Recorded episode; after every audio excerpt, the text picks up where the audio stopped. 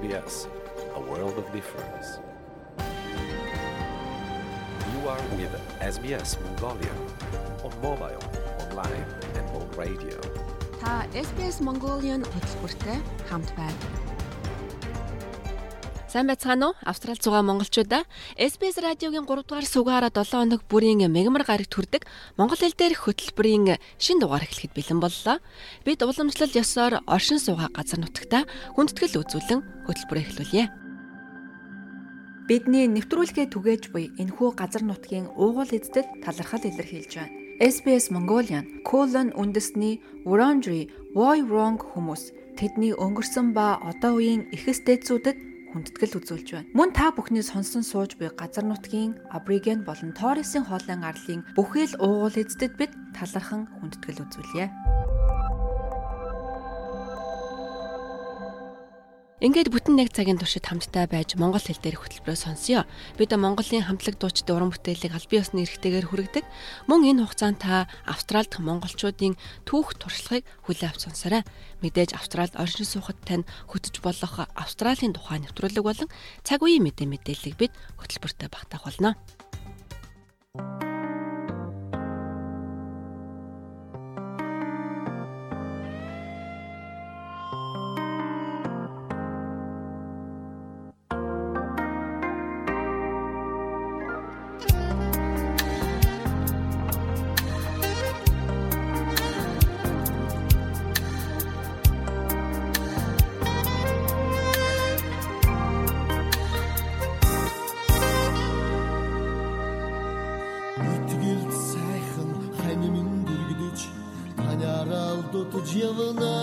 би эвэлж хайрлах ээж минь байгаач таньгаа дүгүйлээд байх алтан нарангэж илчгүй мэт санагна арван тавны саран гилэж гэрлгүй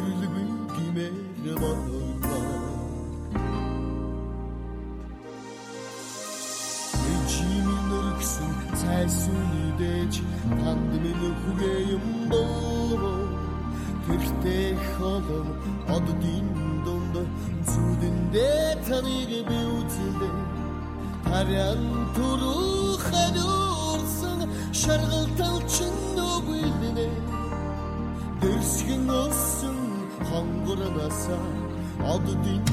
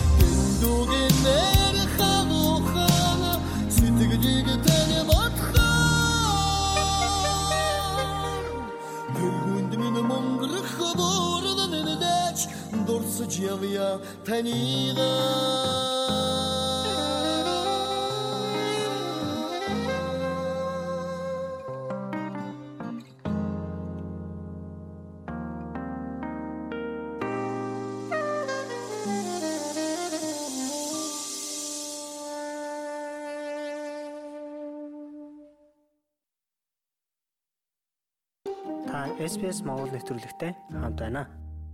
Сайн байцгаана уу Австрал зугаа монголчуудаа. Энэ удаад бид нэр Австрал сурахаар ирсэн монголчуудын маань нэгэн төлөөлөл Австралийн засгийн газраас олгодог Australian Awards тэтгэлгээр 2022 онд гэр бүлтэйгээ ирсэн цогтбаатрыг зочноор урьсан юм а. Манай цогтбаатар Мельбурн хотоос бидэнтэй ярилцаж байгаа юм. Сайн уу цогтбаатраа? За сайн байцгаана уу. Энэ зочноор урьсанд баярлалаа. За баярлалаа. Тэгэхээр цогтбаатар маань Австралид ирээд бас баггүй хугацаа өнгөрсөн байна. За 22 оны 6 сар гэдэг чинь 7 сар гарan болцсон байна шүү дээ, тий. Тэгээ гэр бүлээрээ ирсэн. Ер нь Австрал хэр таалагдж байна? Хүүхдүүд нь хэр дасч идээсэж байна тий одоо хоол унд цаг агаар нөхцөл байдал ер нь танай гэр бүлд хэр таарамжтай байна Австралид ирээд таны хэлдгээр бас 7 сар гарan болчихлоо яг гоо бас хайрцангуу нөгөө өмнө бид нар бас Англид жил гарan амьдарч ирсэн тэгэхээр бас шок хайрцангуу нөгөө ижил төстэй соёл учраас баг байсан. Уг нь бол бидний яг сонгогдсон жил маань болохоор 2019 тэгээ 2020 онд уг нь ирэх ёстой байсан. Тэгээд нөгөө ковидоос хамаараад 2 жил хаашаа ирж чадахгүй хүлээсэн л дээ. Тэр хүлээж авах хугацаанд бас Австралид ийм гадаад хэлтэй орчинд ирнэ гэдэг утгаараа хүүхдүүдийнхээ бас хэл болон бус зүйлүүдийг бас анхаарч бэлдсэн. Тэр утгаараа бас энд ирээд хүүхдүүд маань бас хайцсангуу хэлний барьаар багтаа сургуультаа шууд ороод те хичээлээ үзээд явж байгаа. Хүүхдүүд маань болохоор одоо 1-р анги, нөгөөх нь 4-р ангид сурж байгаа юм.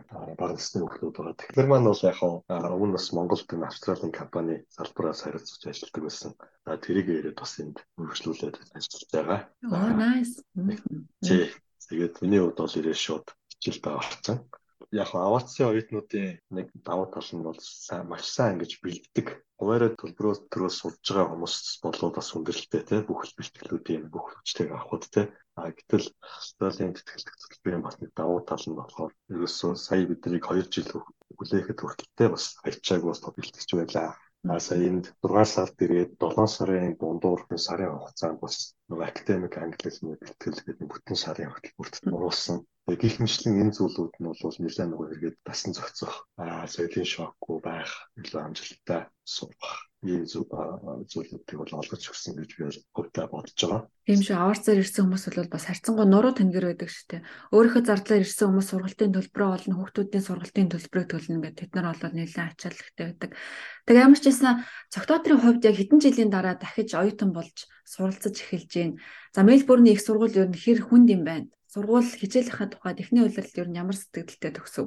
Яг миний бакалаврын боловсрол бол Улсын их сургуульд социологчдын мэрэгчлэр 2006 онд төгсөжсэн. Тэрнээс хойш 2015 онд Англи явах үед бас нэг дипломын төвшний судалтанд бас нэг жил орчим мөрөгчжсэн. За тэгээд одоо гэхээр ерөөхдөө бол бас яг хамгийн сүүлийн арай урт хугацааны сургалттай харьцуулах юм бол нэг 7 жилийн дараа гэх юм бол дахиад сурж байгаа.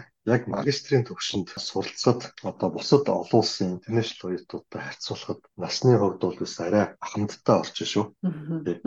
Болоочууд хвшлэн харагдаж байгаа байхгүй.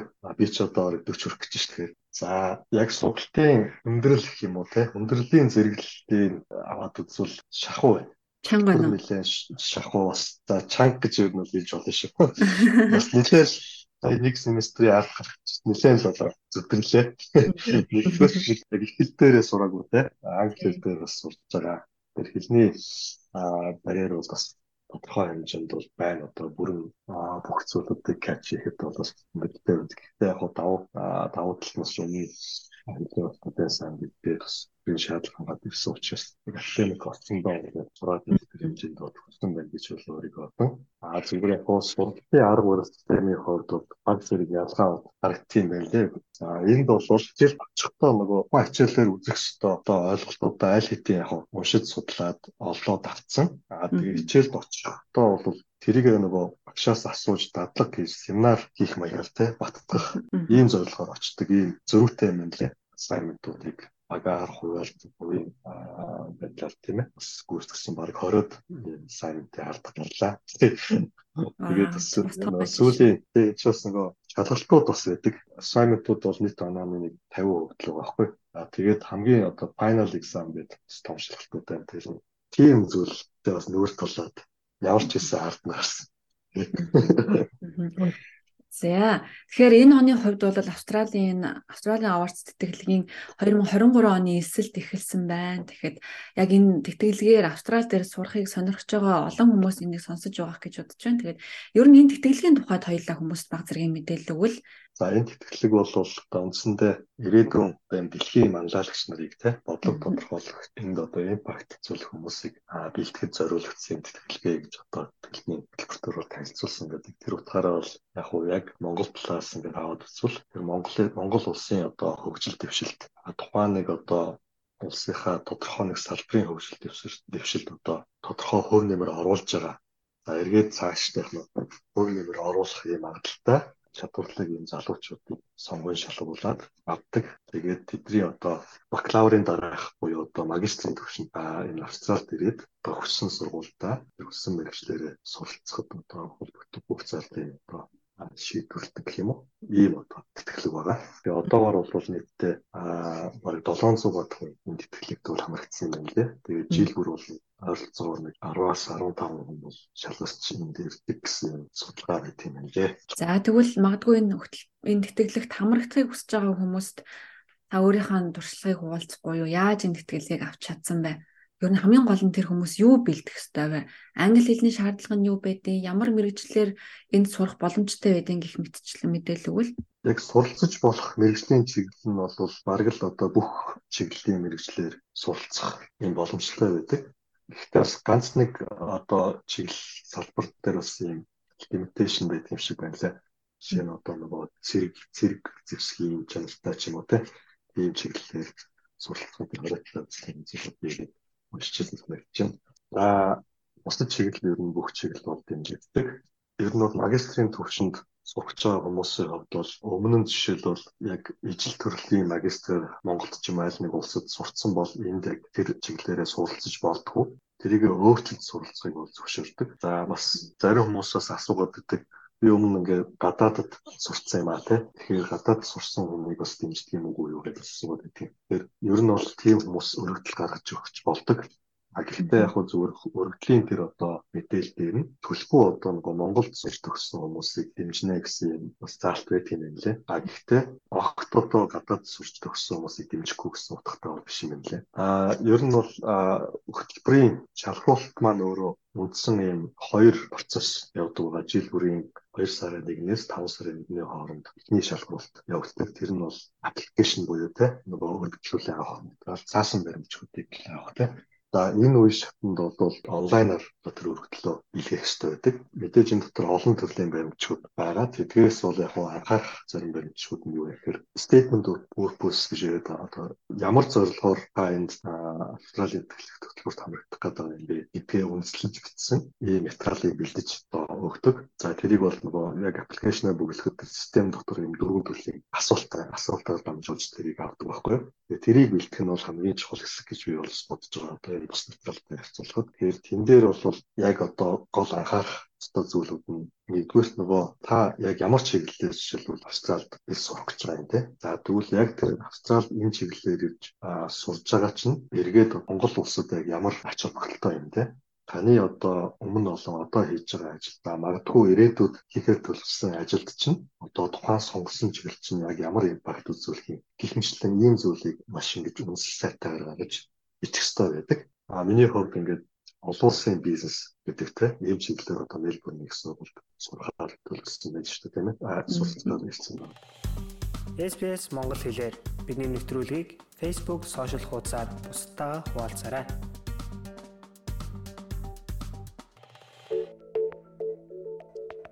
Манай нэвтрүүлгийг та гар утсаараа үнгүй сонсож болно. sbs.com.au/mongolian эсвэл SBS аудио апыг яг одоо татаж аваарай. Та SBS Монгол нэвтрүүлэгтэй хамт байна. Сурагчдын амралт дуусч хичээлийн шинэ жилийн бэлтгэл эд өрнөж байгаа энэ үед Австралийн гэр бүлүүдийн 30% нь шаардлагатай хэрэгсэл бэлтгэлд санхүүгийн хүндхэн ачааллыг үүрч байна хэмээн ярьжээ. Амжиргааны өртөг нэмэгдэх хэрээр иргэдийн нуруунд ирэх дарамт чүндэрсээр байна. Тэгвэл энэ мөчөд австралчуудад ирж байгаа нэг шинэ ачаалал бол хичээлийн хэрэгслүүдийг бэлтгэх явдал юм. За Finder-ийн саяхан хийсэн нэгэн судалгаанд 1039 хүнийг хамруулжээ. За энэ судалгаанд оролцогчдын 30% нь бичиг хэрэг дүрм товдос гэх мэт хүүхдүүд сургуультай эргэж ороход шаардлагатай хэрэгслүүдийг авах мөнгийг төлж чадахгүй байгаа бөгөөд зээл авахаас өөр аргагүй болсон тухайга ярьжээ.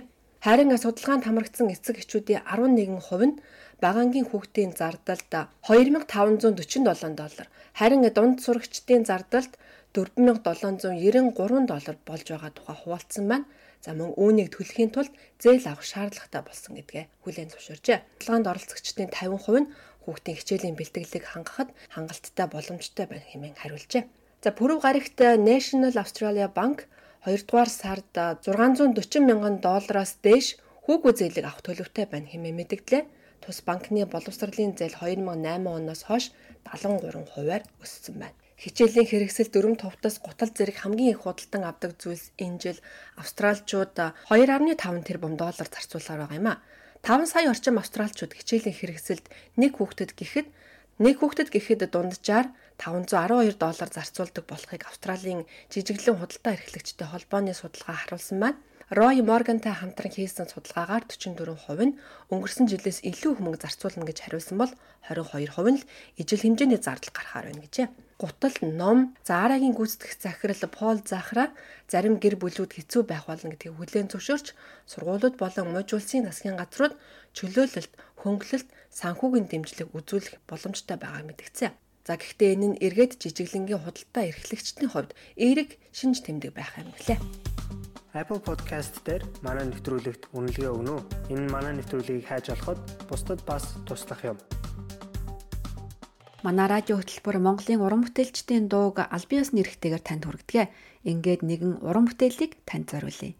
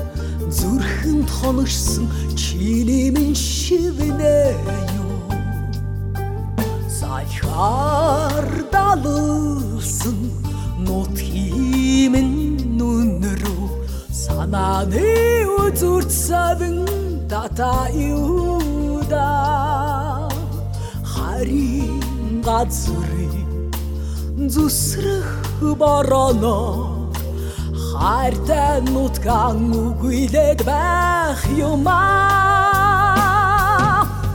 нутаг нутгийг дамжингүй жочиби нуур далай Гатлан нэсч хүрээ би Эшлэх дөрвөн өдөрлөн Хэдид байсан шяхвар Мөдхөн Гэртээ би хайрна. Эргээд мөдхөн Гэртээ би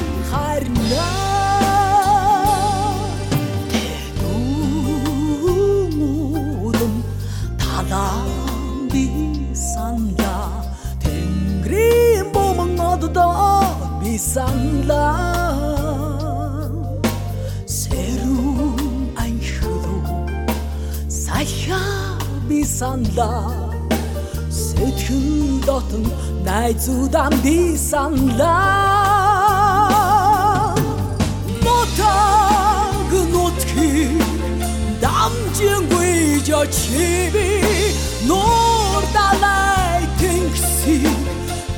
атланэс хүрэби Эчлэх дөрвөн үеэрли хэдид байсан ч яхвэ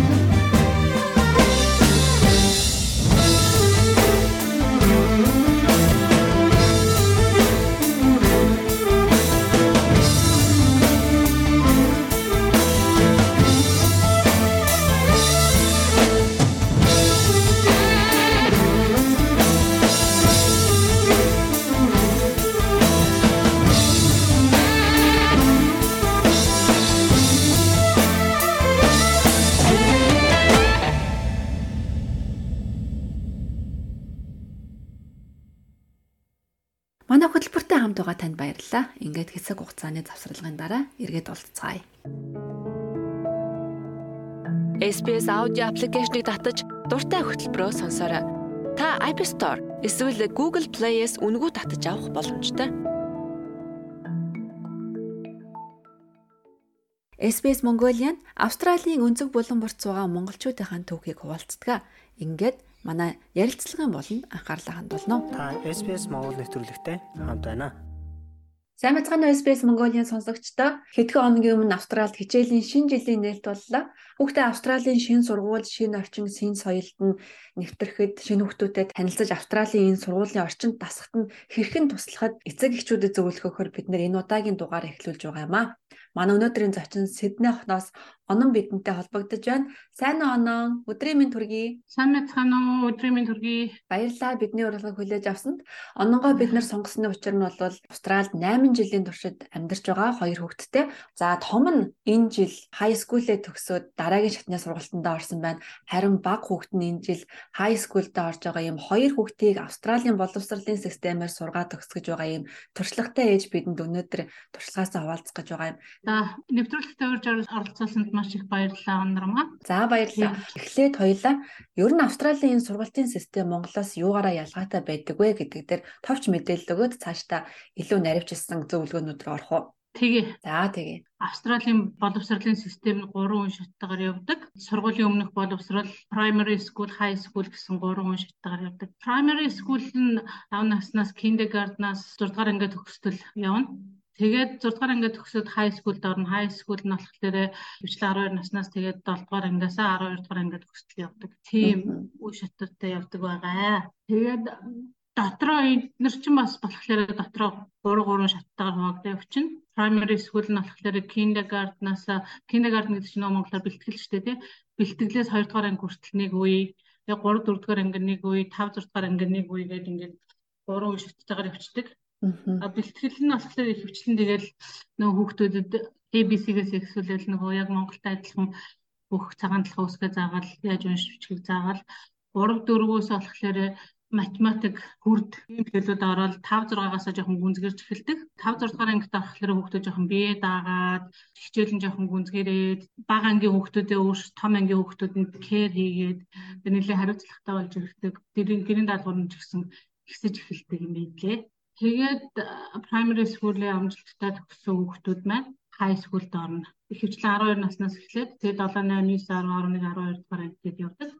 Тэгээд энэ дотроос 3 стейжтэй 7 8 дугаар анги 9 10 дугаар анги 11 12 дугаар анги гэдэг high school primary school хоёрын ялгаа гэх юм бол primary school-д нэг анги даасан багш байдаг байхгүй юу ганц хоёр л одоо математикийн багш англиний багш гэсэн тусдаа багштай байснаас биш анги даасан багш нь ихэнх хичээлүүд ороо явчихдаг А high school дарахлаар бүх сэдвүүд нь өөр өөр ангид хичээлнэ. Танхим танхимдаа очиж хичээлдээ суун. Тэгэхээр жоох нөгөө нэг их сургуулийн актаа болоод тэгэхээр хүүхдүүд илүү жоохон биеэ даагаад тэгээд эхний үед 7 8 дугаар ангидаа засах гэж бас нэлээд өөрсдөө сорно.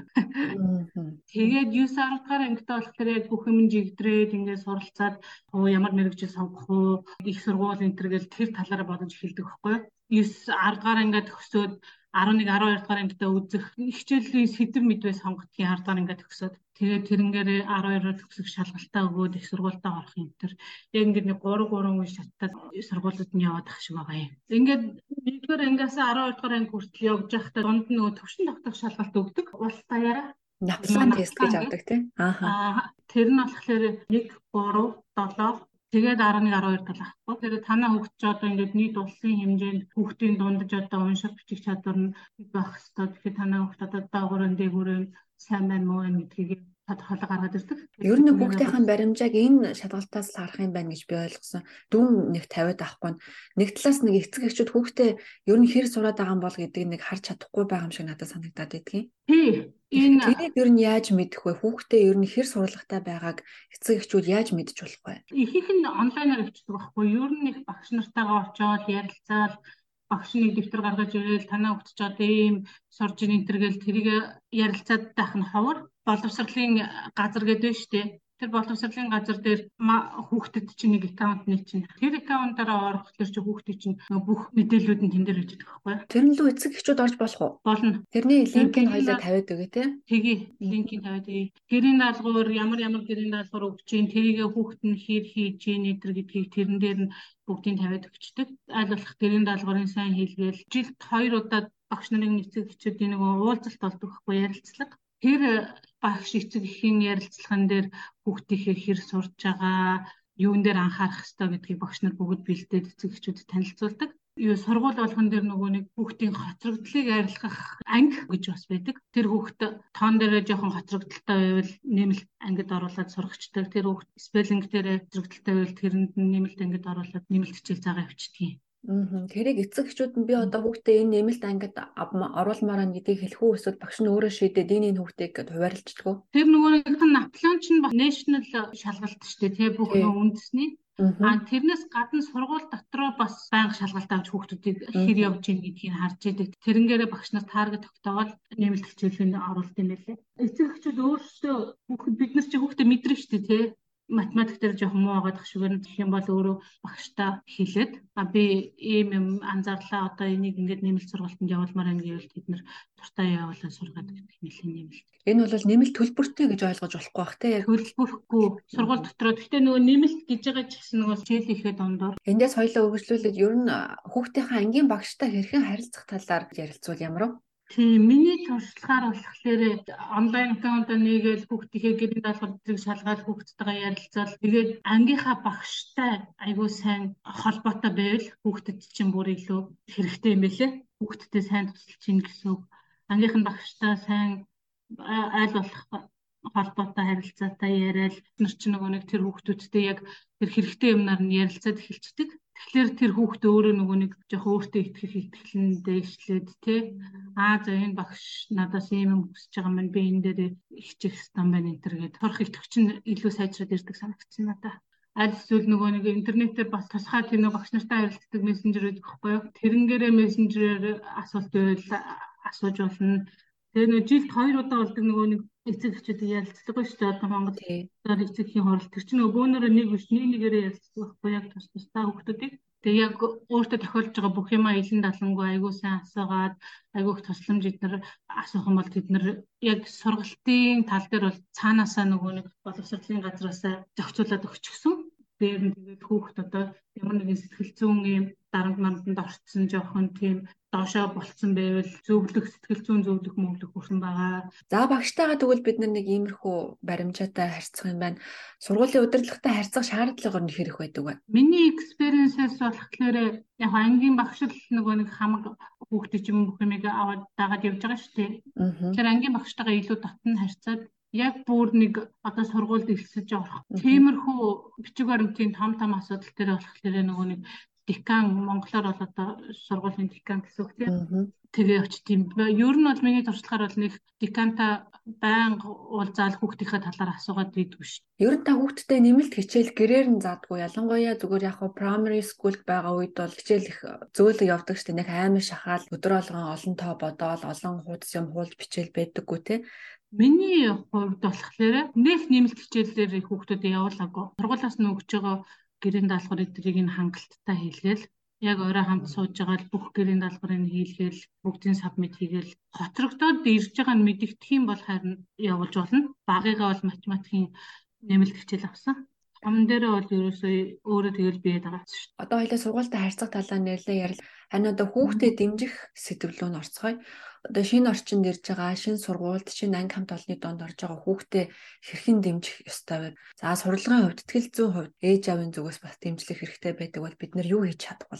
Тэгэл эдгээр чинь яг хүний шинэ улсад анх хөл тавиал нэлээд шокнд орно шүү дээ тий. Нэг жил нэг жил болох гадаадаас ирж байгаа сурагчдад англи хэлний сургалт хичээл тусдаа загаа өвчтэй. Тэр нь эднэрт бас нөгөө нэг ойлголцоход их хэрэг болтой юм шиг байгаа хүүхдүүд миний бодлоор сайн ярилцаал тий орой хичээлээс нь тарахад ирээл ярилцаал хоёулаа хамтдаа гэрийн даалгавраа хийгээл хоёулаа хамтдаа яг их сургууль дээр сурсан юмнуудаа дахиж бүгдийн би бол туршлагаасаа тэгж л явсан хоёр хүүхдтэй. Тэгээд ангийн багш нартай нэг холбогдоод за манай хүүхд юм байгаамаа энэ төргээд ярилцах юм бол тэд нар дэмжиж явчихдаг юм тэр хүүхдийг яг тодорхойлоод одоо нэг онцлоод гэх юм уу тий Ер нь хүүхдээ найзтай болох нийгмийн харилцаанд ороход нь бас яаж туслаж болох вэ? Нэг хоёр дугаар ангитай бол яг хуу тэгэл нөгөө нэг цагаан толгой уншиж бичгээ үзэж явна гэсэн шүү дээ. Аа тэгээ 3 4 дугаар ангитай болохоор нөгөө нэг хурд мөрдөө үзэж явж байгаа 5 6 та хүүхдүүд ер нь socialize болж нөгөө нэг аюу өөртөө итгэх нь аюу өндөр болт юм бэлээ. 5 6 дугаар ангитай хүүхдүүдийг яг ингээд өөрсдийг нь бий болгоод өөрсдийг нь манлайлах ингээд чадварлуу нь зөвхөн юм билээ тэр сургуулийн програмаас. Хичээлийн гад хажуугаар бас спортоор хичээлбэл илүү нөгөө нэг хамт олонч болд юм билээ. Тийм хариуцлагатай. Хичээл сургууль болгон чинь нөгөө нэг анги болгоныхаа хажууд нэмэлт спорт хичээл байгаа шүү дээ. Тэгээд тэрнээсээ гадна бас өөр спортт явуулвал одоо сакс ч юм уу волейбол ч юм уу тий спортын югаар явуулвал харин хүүхдүүд илүү өөртөө ихтэй болж нэгдэж ирэх юм билээ сургуулийн одоо ялангуяа ингээ хүүхдүүд том болох тусмаа ингээ скул буллинг гэдэг нэг хүнд асуудал байна. Хэрвээ хүүхд чинь ангийнхаа хүүхдүүдээс гутаанд оромжилж байгаа тийм хандлага ер нь мэдрвэл эцэг эхийн зүгээс яах ёстой вэ? Скул буллинг австрал скул буллинг айгүй бага санагдсан. Ер нь баг байхгүй байх магадлалтай. Тийм primary school, high school ер нь бол нэлээд бага санагдсан. А хэрвээ тийм юм анзаарагдаад хүүхдэнд тэгж байгааг нь мэдгдэх юм бол энд харин тэрэн дээр эднэр чинь айгүй сайн арга хэмжээ авт юм билээ. Ста ангийн багштай нь уулзаад сургуулийнхаа декантай уулзаад сэтгэл зүйч эдрээс зөвлөгөө аваад тэд нар хүүхдүүдийг нь айгүй сайн дэмжиж өгд юм билээ. А ер нь сургууль дээр сэтгэл зүйч ажилтгүй тий? Ажилдаг сургууль болгон дээр нэг нэг сэтгэл зүйчтэй байгаа. Манай хүүчин бас их дөрөвдүгээр анги дээрээсээ бас юу зан характер нь өөрчлөгдөөл тэгээд бид нар өөрсдөөш ойлгохгүй тий. Яаж туслах вэ? Эцэгчүүд яаж туслах вэ гэхлээр бид нар бас ингэж ярилцаад хичээж байгаа ч гэсэн бас нөгөө нэг тайн ойлголцохгүй байгаа шүү дээ. Тэгэхээр сургуультайгаа хамтарч ажиллах нь хэцүү санагдсан. Яг юм хэлээд манай хүүхдүүд ийм цан гаргаад байна ингээд илүү шай болоод энэ дуугаа болоод энэ ч юм уу тий. Тэгэхээр бид нар чинь сэтгэл зүйчтэй уулзуулаад сэтгэл зүйчин зөвлөгөө өгөө. Тэгээд цаашаа бүр нөгөө нэг дүүргийнхээ бас сэтгэл зүйн төв эднэртэй холбож өгөө. Тэгээд тэд нар яг корын олоод яг цаана нь юу болоод байгааг нь ярилцаад яхахлаар хүүхд бас айгүй нэгтэд сайн бол тийм ээ. Өөр танд одоо хүүхдүүд нь шинээр сургуульд орж байгаа эцэг эхчүүдэд хандаж хэлэх зөвлөгөө юу вэ? За энэ надад дөнгөж ирээд хүүхдээ сургуульд өгж байгаа эцэгчүүд өгөх зөвлөгөө юм бол миний зүгээс ч тийм миний experience болохоор түрүүн миний хэлсэн нөгөө аппликейшнууд шүү дээ аппликейшнууд тэгээд гэрийн даалгаврын нөгөө нэг аккаунт эдрээр нь байн ороод тэгээд аль болох орой болгон алдахгүйгээр гэрийн даалгаврын хамтдаа байнга хийлгээд ярилцаад нэг сүртэй юм хөө монгол шиг заяа. Эхний хэдэн жил бол зүгээр ном уншаал уншсан номныхаа талаар тайлбар бичих тийм л юмнууд байгаа. Орой болгон тэрийгэ constantly хийгээд тахлаар хүүхдийн тархинд чинь нэг тийм сурч ш та за би энийг хийх ёстой шүү гэд. Тэгээд суулгаас сургачих юм бол тэр чинь өөртөө дараа нь биед байгаа явахд хэрэгтэй болчихж байгаа байхгүй юу? Аа. За шинээр суурьсаж байгаа хүмүүст маш олон хэрэгтэй мэдээллийг хуваалцах чадлаа гэж бодож байна. Бидний цаг зав гаргаж ярилцсан танд маш их баярлалаа. За нэвтрүүлэгтээ урьж оролцсон баярлалаа. Би тэгээд нөө зөвхөн өөртөө хүүхд болгоны кейс өөр шүү дээ тий. Тэгэлгүй яах. Тэгээд өөрийнхөө experience-ээс татах ятгаараа ярьлаа. За баярлалаа. Маш их баярлалаа. Танай хоёр хүүхдэд амжилт хүсье. Магадгүй одоо яг итар болохгүйе танай хүүхдээс бас яг энэ одоо монголоор бол эсэлтийн ерхий шалгалтыг хэрхэн яаж өгдөг, яаж бэлддэг тухай ярьцлага авал дургуцах байх гэж найдаж байна. Та дамжуулаад өгөөрэй. Тэгээ дургуцах байх. За. За баярлалаа. Баяртай. За баярлалаа. Баяртай. Өдрийг сайхан өнгөрүүлээрэй. За баярлалаа. SBS Монгол хэлээр бидний нэвтрүүлгийг Facebook сошиал хуудасаар бусдаа хуваалцаарай. SBS.com цэг.au ташуу зураас Mongolian таны онлайн өргөө байх болно. sbs.com.au/mongolian та хамгийн сүүлийн үеийн мэдээ мэдээлэл сонин сайхныг хүлээн авч сонсоорой. SBS Mongolian радио хөтөлбөртэй хамт байгаа танд баярлалаа. Одоо Австралид оршин суух хөтөч нэвтрүүлгийг хүлээн авч сонсцгоё. SBS Монгол хэлээр бидний нэвтрүүлгийг Facebook сошиал хуудасаар бусдаа хуваалцаарай. Австралид анхны үндэсний өмгөөлөгч буюу холбоотон байх нь уул иргэдийн хувьд чухал асуудалд нь идэвхтэй дэмжих хүн байна гэсэн үг юм. Австралийн тухайн нэвтрүүлгийн энэ удаагийн дугаарт бид анхны үндэстэн нийгэмлэгт холбоотой болж тэдний төлөө зогсож чадах чин сэтгэлд өмгөөлөгч болоход хэрэг болох зарим мэдээлэл танд хэрэгтэй өнцгийг хүргэж байна. SBS Монгол хэлээр Ямар ч харилцаа хүнийг таньж мэдгээс эхэлдэг шиг анхны үндэстнүүдний хүрээлэлд нэгдэж холбоотой байхад эхний алхам бол тэр хүмүүсийн тухай мэддэг байх юмаа гэж Карен Модин Bon Joa Jang гэмэгтэй хэллээ. Тэр бол Reconciliation буюу австралчуудын эвлэр нэгдэх байгууллагын гүйцэтгэх захирал юм. It has to start with understanding Энэ бол анхны үндэстэн арт түмэн. Бусад Австралийн иргэдийн харилцаа өнөөгөө нөхцөл байдлыг ойлгохоос эхэлнэ. Бас энэ харилцаанд өрнсөн түүх үйл явдлуудыг ойлгохоос эхлэх юм а. Та хэн байх нь хамаагүй. Саяхан ирсэн цагаач хүн байсан ч хэрвээ та харилцаа холбоо тогтоохыг хүсэж байгаа бол ямар нэгэн үйл явдал тэдний амьдралд нөлөөсөн зүйлийг ойлгохыг хүсэж байгаа бол та нэгдэж болно. Тийм ээ. Энэ бол миний бодлоор маш сайн эхлэл юм шүү and their experience of being Australian, I think is a, a really good starting point. Ийм мэдээлэл таныг илүү хүчрэхэг нэгэн болгож хүмүүстэй газар нутагтай харилцах боломжийг олгоно гэж тэр нэмж ярьлаа. Та сайн эхлэл тавих эхний нэг цэг бол амьдарч байгаа орон нутгийнхаа үндэсний эзэд нь хинбэ гэдгийг мэдэх явдал юм. Үүнийг та анхны үндэсний байгууллагуудаар дамжуулж, орон нутгийнхаа зөвлөлөөр дамжуулан мэдэж авч, орон нутгийнхаа иргэдтэй ч танилцж болно. Танаа нутаг дэвсгэрт байгаа уугуул иргэдийн үндэсний хэлээр нь нэрлэгдсэн паркуудын нэрийг нь ч бас сонирхоод нүгүзээрэй. Тухайн нутагт болсон түүхэн үйл явдлуудтай холбоотойгоор ийм нэрийг өгсөн байдаг юм а. places that are named after things that happened historically in that area. Юарта Юарта эмэгтэй доктор Сумир Мэй Финлей хэлэхдээ уугуул бус хүмүүс өөрсдийгөө мэдлэгтэй боловсралтай болгох нь үнэхээр чухал юм хэмээн онцолсон юм а. Uh, Холбоотон байна гэдг нь өөрийгөө сургахад цаг гаргах хүнийг хэлэх юм. Бид хүн амын ердөө 3% эзэлдэг учраас бүхэнд хүртэх боловсрал олгоход хүрэлцэхгүй. Тэгэхээр та маш сайн эхлэл болгож сайн их сурвалжаас сайн мэдлэг олж авах нь чухал юм. Ингийн тулд та Австралийн эвлэрэл байгууллагад хандаж эсвэл танаа мужид байгуулсан эвлэрлийн зөвлөдөд очиорой. Би тэднийг танд баттайгаар зөвлөн хэлэх байна. Uh. Гахмила Рой хүн Look Person бол угуул иргэдийн дуу хоолойг илэрхийлж алдаршуулах онлайн платформ болох Indigenous X-ийг үндэслэгч юм. Тэрээр түүхийг судлахаас өмнө бүх хүмүүс ижил тэгш гэж үзэх хэрэгтэй хэмээн тайлбарллаа. If you come from a place of dignity, respect, love, appreciation and an understanding that Хэрв та нэр төр хүндлэл хайрыг үнэлдэг газраас ирсэн бол хэрв та бүхий л хүн суур тэгш эрэхтэй бидний соёлд бидний харж байгаа альва ялгаа нь тэр талаасаа илүү сайн эсвэл муу дээр доор гэсэн тусгал биш гэдгийг ойлгодог бол таны хувьд энэ нь сайн эхлэл юм. Харин хэрвээ танд ийм зүйл байхгүй бол та юус сурч, юуг туулж өнгөрүүлсэн ч хамаагүй. Энэ нь явсаар эцэстээ ялгуурлан гадуурхах үзлийг зөвтгөх арга замыг хайх зам руу хөтлөх болно.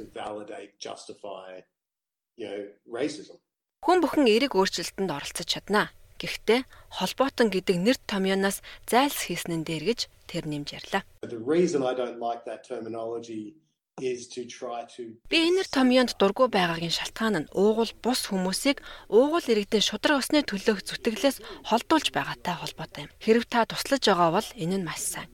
Гэхдээ танд ямар нэгэн нэр оноож тэмдэг зүг хэрэггүй. Зорилго нь танд таатай байх явдал биш. Харин уугуул иргэдийн нөхцөл байдлыг сайжруулах юм шүү дээ. the goal is to improve outcomes for indigenous people. Сайн холбоотон бол Австралийн үндэстэн хүн байх. Эсвэл холбоотон байхын хэл хязгаарыг мэддэг хүн юм а гэж доктор Финлей ярьсан юм а. So we don't need someone to step into the realm of trying. Тэгэхээр бидэнд уугуул хүн шиг аашилж тэдэн шиг бие авч явахыг оролдох хүн хэрэггүй. Харин бидэнд хэрэгтэй байгаа зүйл бол өөрийгөө анхны үндэстэн биш гэдгийг хүлээн зөвшөөрч анхны үндэстний хүн хизээ ярих ёстойг мэддэг хүмүүс нь. Өмнөөс нь ярих ёстой хүнийг бид анхааралтайгаар тодорхойлж байгаа гэдгийг битгий мартаарай. Австралийн эвлэрэл байгууллагын гүйцэтгэх захирал Карен Мундын хэлэхдээ дөрвөгсөд болон цагаачд ижил төстэй амьдралын туршлагаасаа илүү сайн үр дүнд хүрэх боломжтой гэлээ. Whether it's experiences of racism, Ялгуурлан гадуурхалд мэдэрсэн аялах, зорчих, зочлох боломж хязгаарлагдмал. Эх орноосоо хол байгаа зэрэг ижил төстэй туршлагууд биднийг нэгтгэж байна гэж би боддог. Бусад нийгэмлэгүүд анхны үндэсний байгууллагуудыг уугуул иргэдийг өөрсдийн сүмдээ ч юм уу хааны газраа урьж ярилцаж болно. Үүнд өөрсдийн нийгэмлэгийн төлөөлөгчдөөсөө дэмжлэг хүсэх нь чухал юм. Churches, temples, mosques. Үүнийг хоёр байдлаар хэрэгжүүлж болно. Анхны үндэсний олон хүмүүс цагаачдын нийгэмлэгүүдтэй уулзаж тэдэнд тулгарч байгаа бэрхшээл сорилтуудад дэмжлэг үзүүлж байгаадаа баяртай байдаг юм а. challenges that they're facing. 2023 онд болсон парламентэд дуу хоолой хүргэх бүх нийтийн санал асуулга анхны үндэстэн хүмүүсийн талаар илүү ихийг мэдэх, судлах сайхан боломж, түүнчлэн харилцаа тогтоох боломжийг олгосон юм а. Үүнийг үргэлжлүүлэх нь орчин үеийн Австралийн ирээдүйд амин чухал юм хэмээн хадагтай Мүүдийн ярьлаа. If we want to build a modern, diverse nation that is proud of its multicultural Хэрэг бид олон үндэстэн гэдгээрээ бахархдаг орчин үеийн олон үндэстнийг бий болгохыг хүсэж байгаа бол энэ нь 65 мянгаас олон жилийн түүхтэй хамгийн эртний тасралтгүй хөвөрсөн соёлтой анхны австралчуудыг хүлээн зөвшөөрөхөөс эхлэх ёстой юм. Ингэж чадвал бид орчин үеийн үндэстний хувьд 21-р зуун түүнээс цааш хугацаанд ч маш их боломжийг бий болгоно гэдэгт би итгэлтэй байдаг. so many opportunities for us as a modern nation into the 21st century and beyond. Австрали улсад амьдарч эхлэх гэж байна уу? Хэрэгтэй мэдээллийг SBS.com.cg юу урагшаа зураас Mongolian хуудасаас хүлээн авах нь.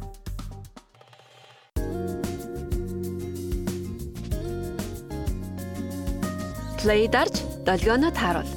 60 өөр хэл дээрх мэдээ, сэтгэлд нийцсэн хөгжим, сонсохгүй байхаан аргагүй хэрэгтэй подкастууд таныг хүлээж байна.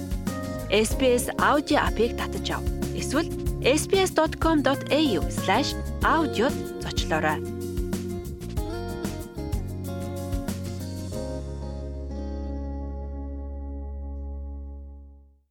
Та SBS Монгол нэвтрүүлэгтэй хамт байна.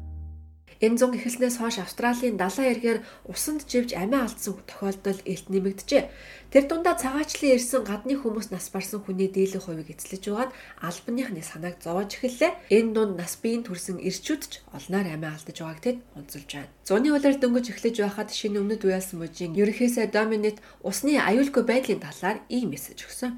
Go out, enjoy the sunshine, enjoy the best beaches. Гарч наран дээж дэлхийн хамгийн гайхалтай далайн эргээр зугаалаарай. Гэхдээ аюулгүй байдлаа хангахаа мартаж болохгүй. Анхааруулах шаруулаан тугуудын хооронд усан цэлэх хэрвээ та завин дээр явж байгаа бол аврах хантаа зөмсөөрэй. Зуны улиралд бидний аюулгүй байдлыг хангах бүхий л зүйлсийг та хийх хэрэгтэй шүү. period. Энэ зунд гэхэд одоогоор 56 хүн усанд живж амьнасаа алдсан байна. Энэ нь усны аюулгүй байдлын мэдээллийг илүү өргөн хүртээмжтэй өгөх хэрэгтэй гэсэн ойлголтыг төрүүлж байна. Беверли Ньютон бол Квинсленд мужийн хатан хааны нэрэмжит аврах нийгэмлэгийн гишүүн юм. 27% Квинсленд мужид живсэн хүний тоо 10 жилийн өмнөхтэй харьцуулахад 27%-аар өссөн байна. Тиймээс бид усанд хэрхэн аюулгүй байх талаар баг зэрэг илүү мэдээлэл хүргэх хэрэгтэй болжээ гэж харж байна. Stacy Pigeon бол Royal Life Saving Australia компанийн үндэсний судалгааны менежер юм а. Тэрээр хэлэхдээ хүн амын дунд эрсдэл өндөртөө тодорхой бүлэг байгаа гэж онцоллоо.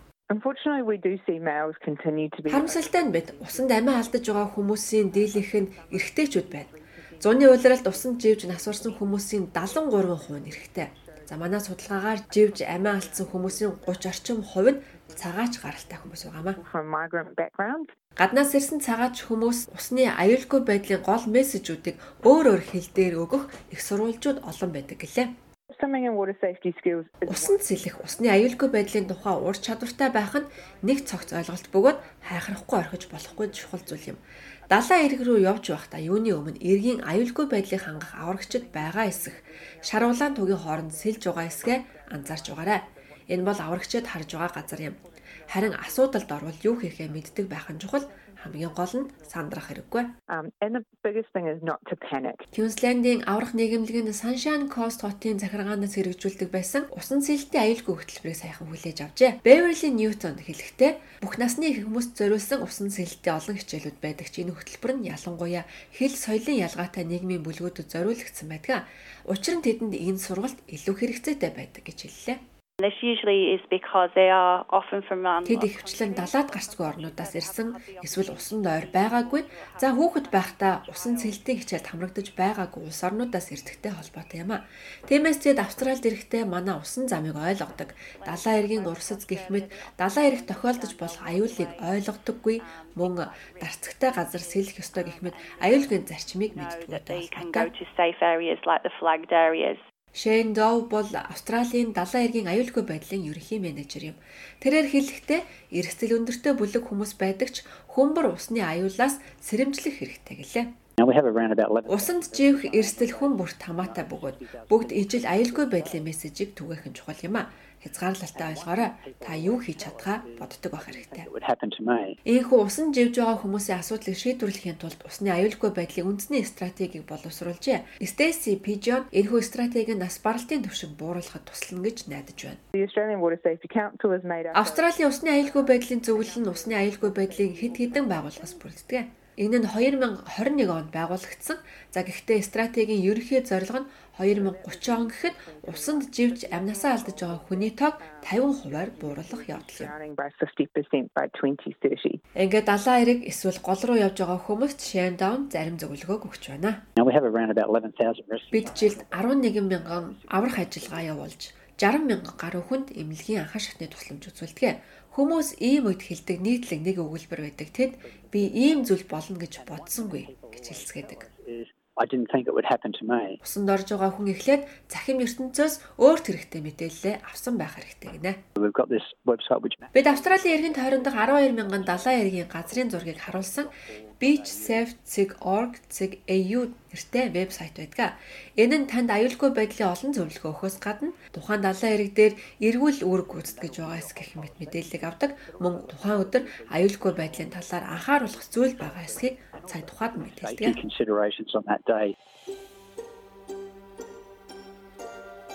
SBS Монгол нэвтрүүлэг таны гар утас болон цахим хуудасд нийлдэхтэй байна.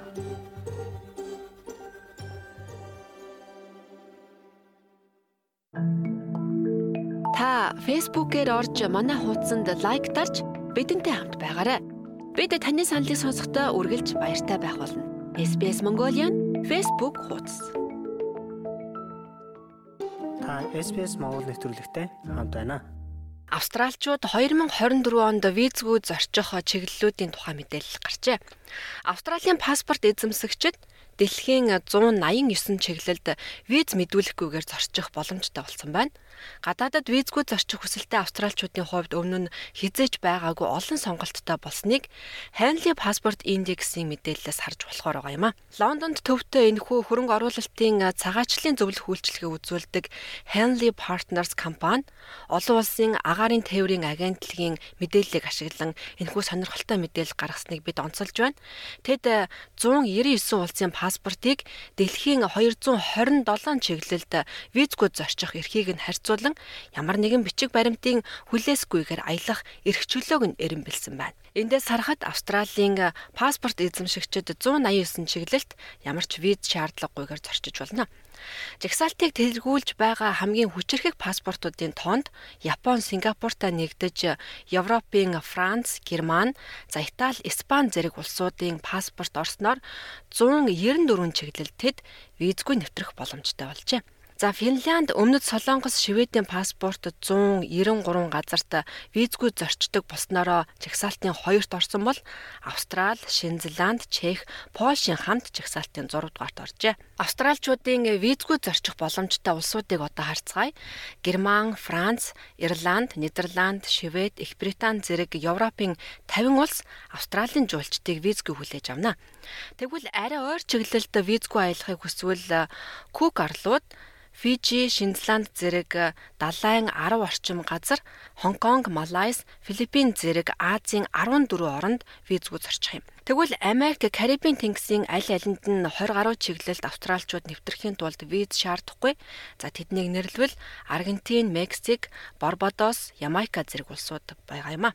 За Африк руу явах хүсэлтэй австралчуудын хувьд Ботсвана, Марокко, Руанда зэрэг 17 газарт, Катар, Оман зэрэг ойрхт орнуудын 5 улсад визгүй нэвтрэх хэрэгтэй. За Бангладеш, Индонез, Малави, Саудын Араб зэрэг улсууд австралчууд эрэхтэй виз эсвэл зочны зөвшөөрөл авах хэрэгтэй. Дэлхийн 40 гаруй газрын тоонд орж байна. За тэгвэл Америк, Канада, Пакистан, Шри-Ланк зэрэг 8 чиглэлд нэвтрэх эрхийн бичиг авах юм байна.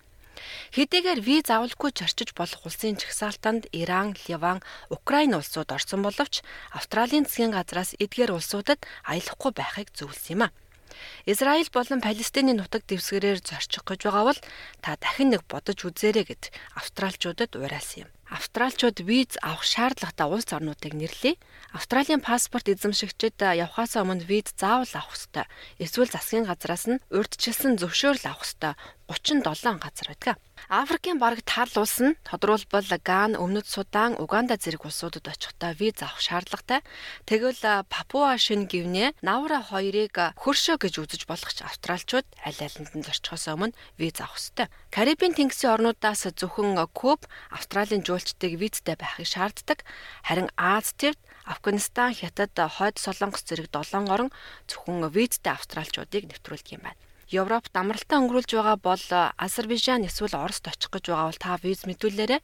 Эсвэл ойрхот орнд дох Сэр Имен, Өмнөд Америк, Твэн, Бразил, Чили улсууд руу аялах гэж байгаа бол виз авах шаардлагатай. За тэгвэл австралчуудын хамгийн олноороо зорчдог газруудын тухай мэдээлэл бас сонирхолтой байж болох юм.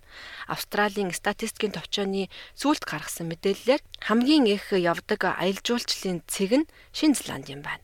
Дараагийнх нь Индонез, Америк, гурав дахь нь Их Британи, Энэтхэг, Тайланд, Фижи, Сингапур, Япон, Вьетнам гэсэн улсууд оржээ.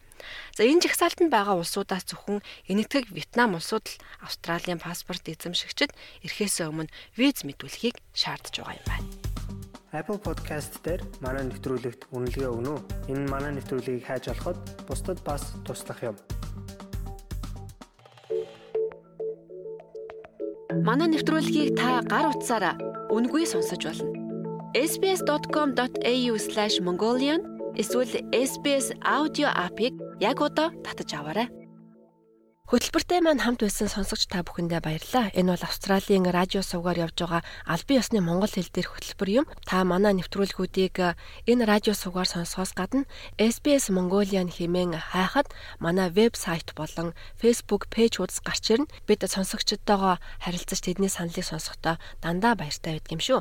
Ингээд эх 7 хоногийн мягмар гарагт эргээд уулзлаа. Түр баяртай.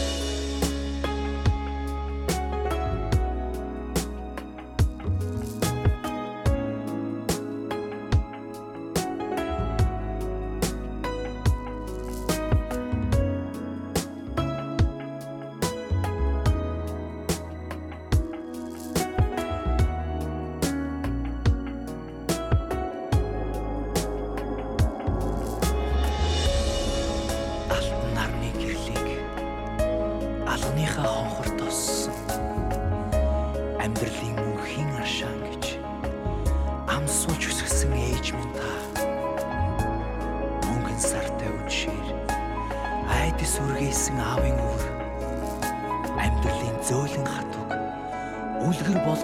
царай